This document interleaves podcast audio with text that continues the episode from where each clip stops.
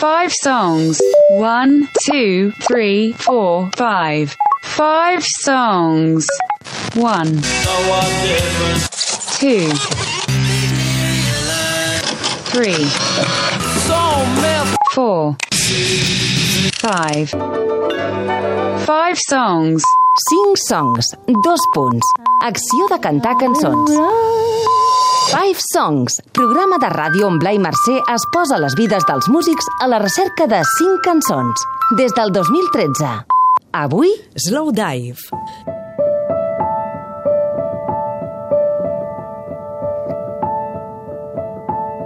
Què tal, com esteu? Benvinguts a una nova edició del 5 Songs, del 5 Songs, a la sintonia d'ICAT FM, segon programa de la temporada.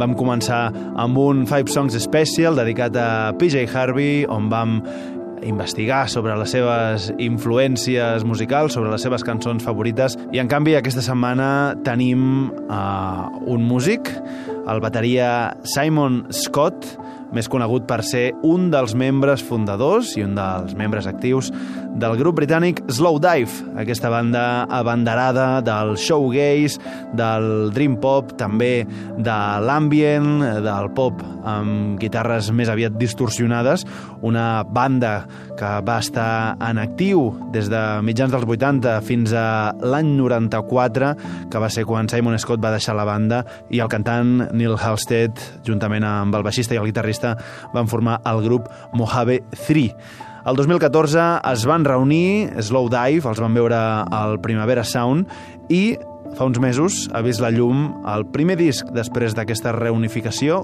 un disc molt recomanat, de títol homònim, Slow Dive, on demostren que estan en plena forma. Al llarg d'aquesta mitja hora sentirem a Simon Scott primer parlant d'una cançó que considera especial, ja sentirem per què d'aquest nou disc, i després cinc cançons clau, cinc cançons referencials, no només d'ell, sinó també de tota la banda, i amb un bonus track de propina. Us deixem amb Simon Scott, The Slow Dive. Hello, my name's Simon Scott. I'm from a band called Slow Dive. We're from the UK. We have a new album out. Hola, sóc Simon Scott de la banda britànica Slow Dive i tenim un nou disc que es titula Slow Dive. Um, what am I going to speak about? I'm going to choose. Començarem amb una cançó especial del nostre repertori, és un tema nou.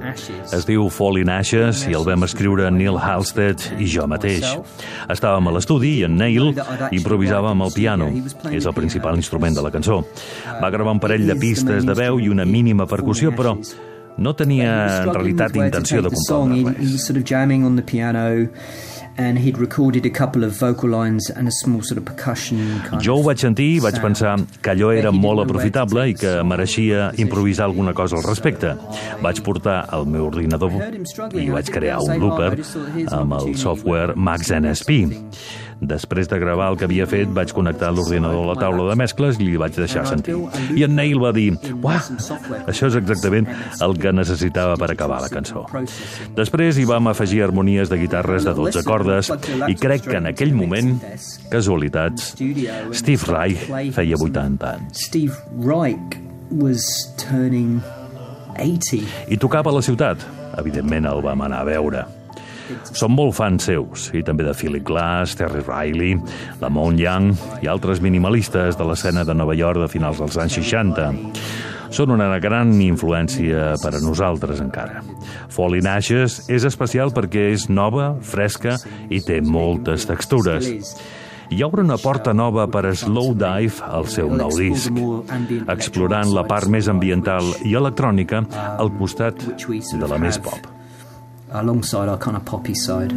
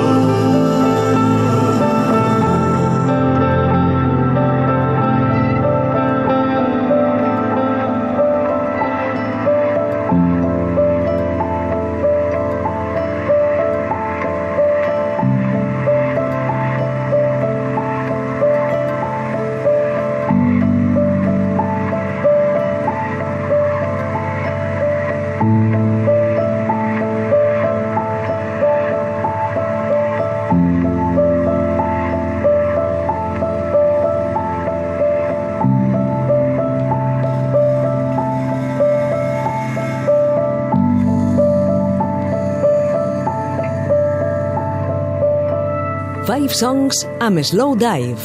The first important song in my life was a song by the Smiths called What Difference Does It Make? I saw it on a program called Top of the Pops. Slido La primera cançó important de la meva vida és dels Smiths. What difference does it make? Els vaig veure al programa Top of the Pops. A principis dels anys 90, Slow Dive érem una banda molt petita. Mai havíem tingut un hit, mai havíem estat al Top of the Pops, ni tampoc a la ràdio ni a la televisió. Però el Top of the Pops era un gran programa i jo devia tenir uns 12 anys quan eh, vaig veure per primera vegada Smiths um, tocant I aquesta cançó. And here I was in Cambridge listening to the Smiths and I em vaig començar a obsessionar. Estava a Cambridge, escoltant-lo sempre, comprant i llegint de tot sobre ells. I resulta que Neil, Christian, Rachel, Nick estaven a Berkshire, a thing. 150 We really quilòmetres, i estaven fent exactament el que jo feia. Vam estar adorant-los de manera independent Um, durant molt de temps. És una cançó fantàstica. I amb una gran lletra. A través dels Smiths vaig descobrir The Cure, um, i vam descobrir la Velvet, Stooges i molts altres. Però la primera cançó important de la meva vida va ser What Difference Does It Make? Dels Smiths. Smiths.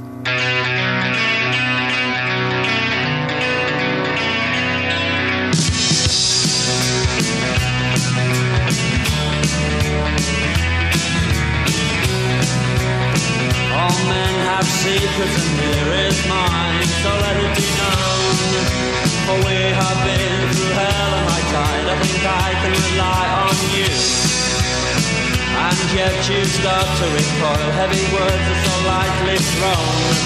But still I leap in front of a flying bullet for you. So what difference it make?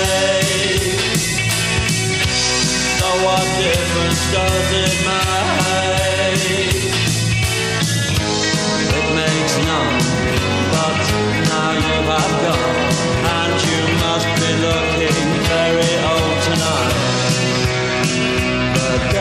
will find work for idle hands to do.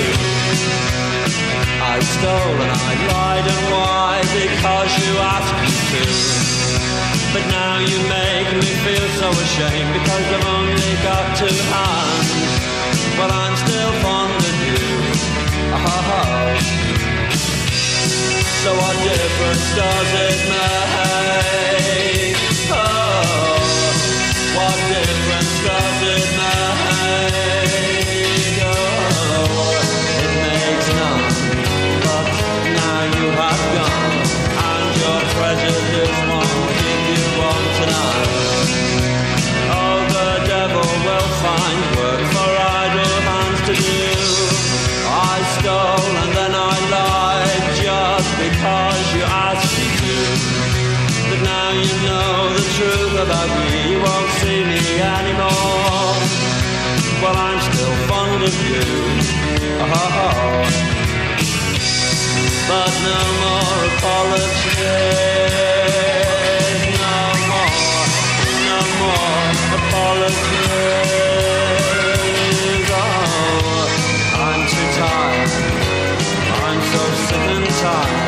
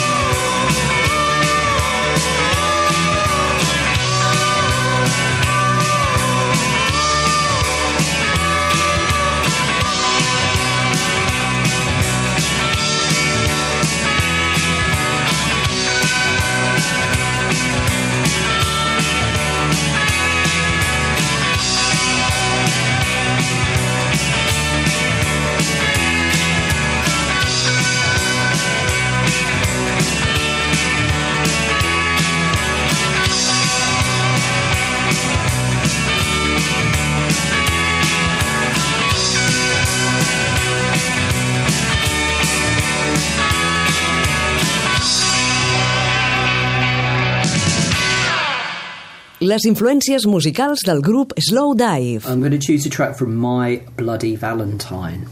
And I'm going to choose a track called You Made Me Realise. Had a big impact on Slowdive. Escolliré un tema de My Bloody Valentine, You Made Me Realize.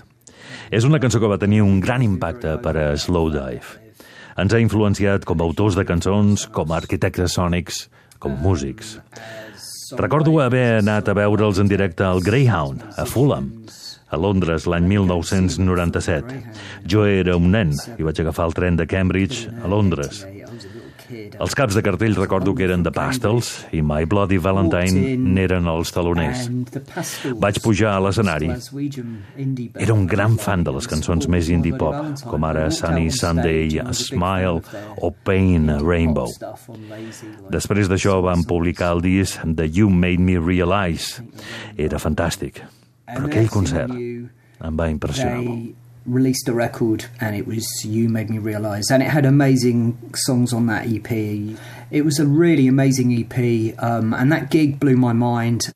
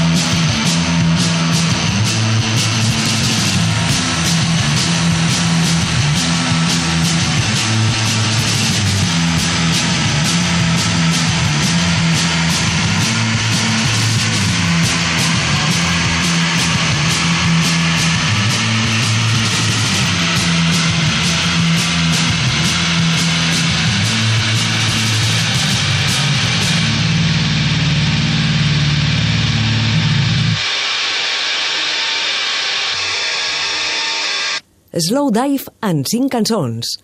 Parla Simon Scott. I'm going to pick I Wanna Be Your Dog by The Stooges. Iggy and the Stooges. Iggy Pop, what a character. Um, Ara trio I Wanna Be Your Dog, yeah, that's dels Stooges. Iggy and the Stooges, Iggy Pop, el personatge. Who the hell is this? Sí, aquesta cançó. Quina intro. Quan la vaig escoltar, vaig haver de deixar tot el que feia. Vaig pensar, què collons és això? Anys després encara m'ho pregunto. Aquest riff és llegendari. Els Stooges hi puc sentir Jesus and Mary Chain, Sonic Youth, Mogwai, tantes i tantes bandes influenciades pels Stooges. És una de les nostres bandes favorites. Neil porta una samarreta dels Stooges cada quatre dies a la gira i se la torna a posar un cop neta. La seva bugada sembla una botiga dels Stooges. Som fans totals d'aquesta banda. En lloc de No Fun, com el títol de la cançó, haurien de dir A Lot of Fun. They weren't no fun, they were a lot of fun. so messed up. I want you here. In my room, I want you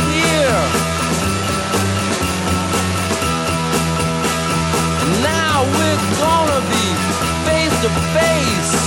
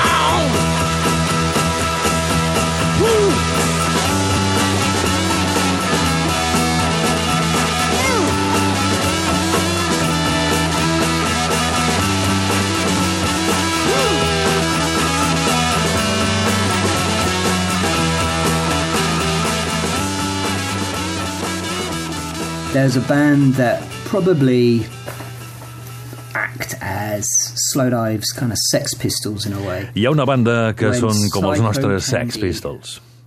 Quan el disc Psycho Candy de Jesus and Mary Chain va sortir a mitjans dels anys 80, va tenir un impacte molt fort per a tots nosaltres. Vam comprar el disc quan encara no havíem format la banda. Ens separàvem més de 100 quilòmetres des de Cambridge. Devíem tenir 15 o 16 anys. He triat la cançó Never Understand, que sona com si fos dels Beach Boys, amb el ritme de Public Image Limited. Molt atractiu per un adolescent. Tot el disc és absolutament fantàstic, però Never Understand la vaig escoltar a la ràdio, crec que en un programa de singles amb Jukebox, i vaig flipar amb les crítiques. Oh, quant soroll en una cançó pop. Aquesta combinació va fer que Never Understand sigui una gran cançó per a Slow Dive. Igual que Psycho Candy és un àlbum fantàstic.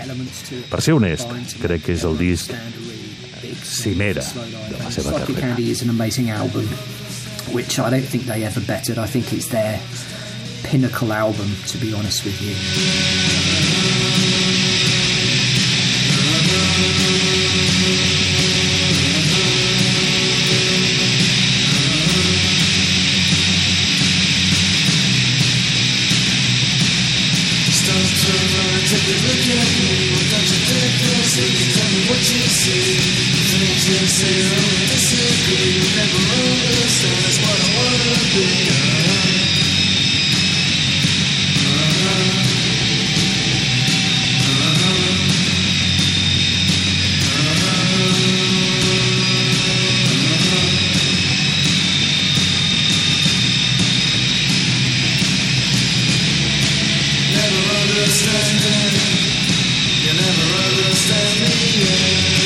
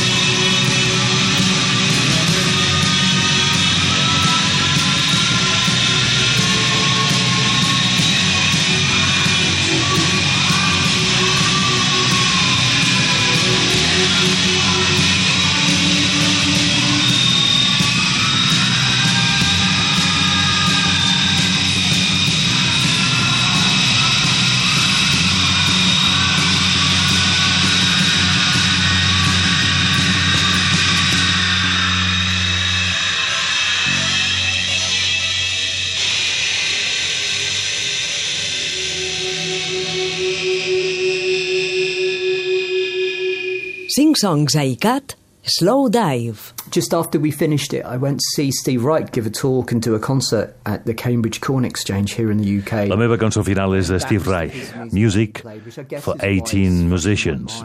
Després d'acabar la cançó que comentava a l'inici del programa, tal com hem dit, vam anar a una xerrada posta al concert que havia fet Steve Reich a la ciutat i en aquella xerrada va tocar aquesta peça. Em va refrescar la ment. Això va ser fa pocs mesos. Music for 18 Musicians és música molt poderosa. I el contrast entre els instruments i com flueix la música és majestuosa. La simplicitat dels loops, sense aquells cànons, és molt estrany i polirítmic, repetitiu, trippy, psicodèlic. Music for 18 Musicians.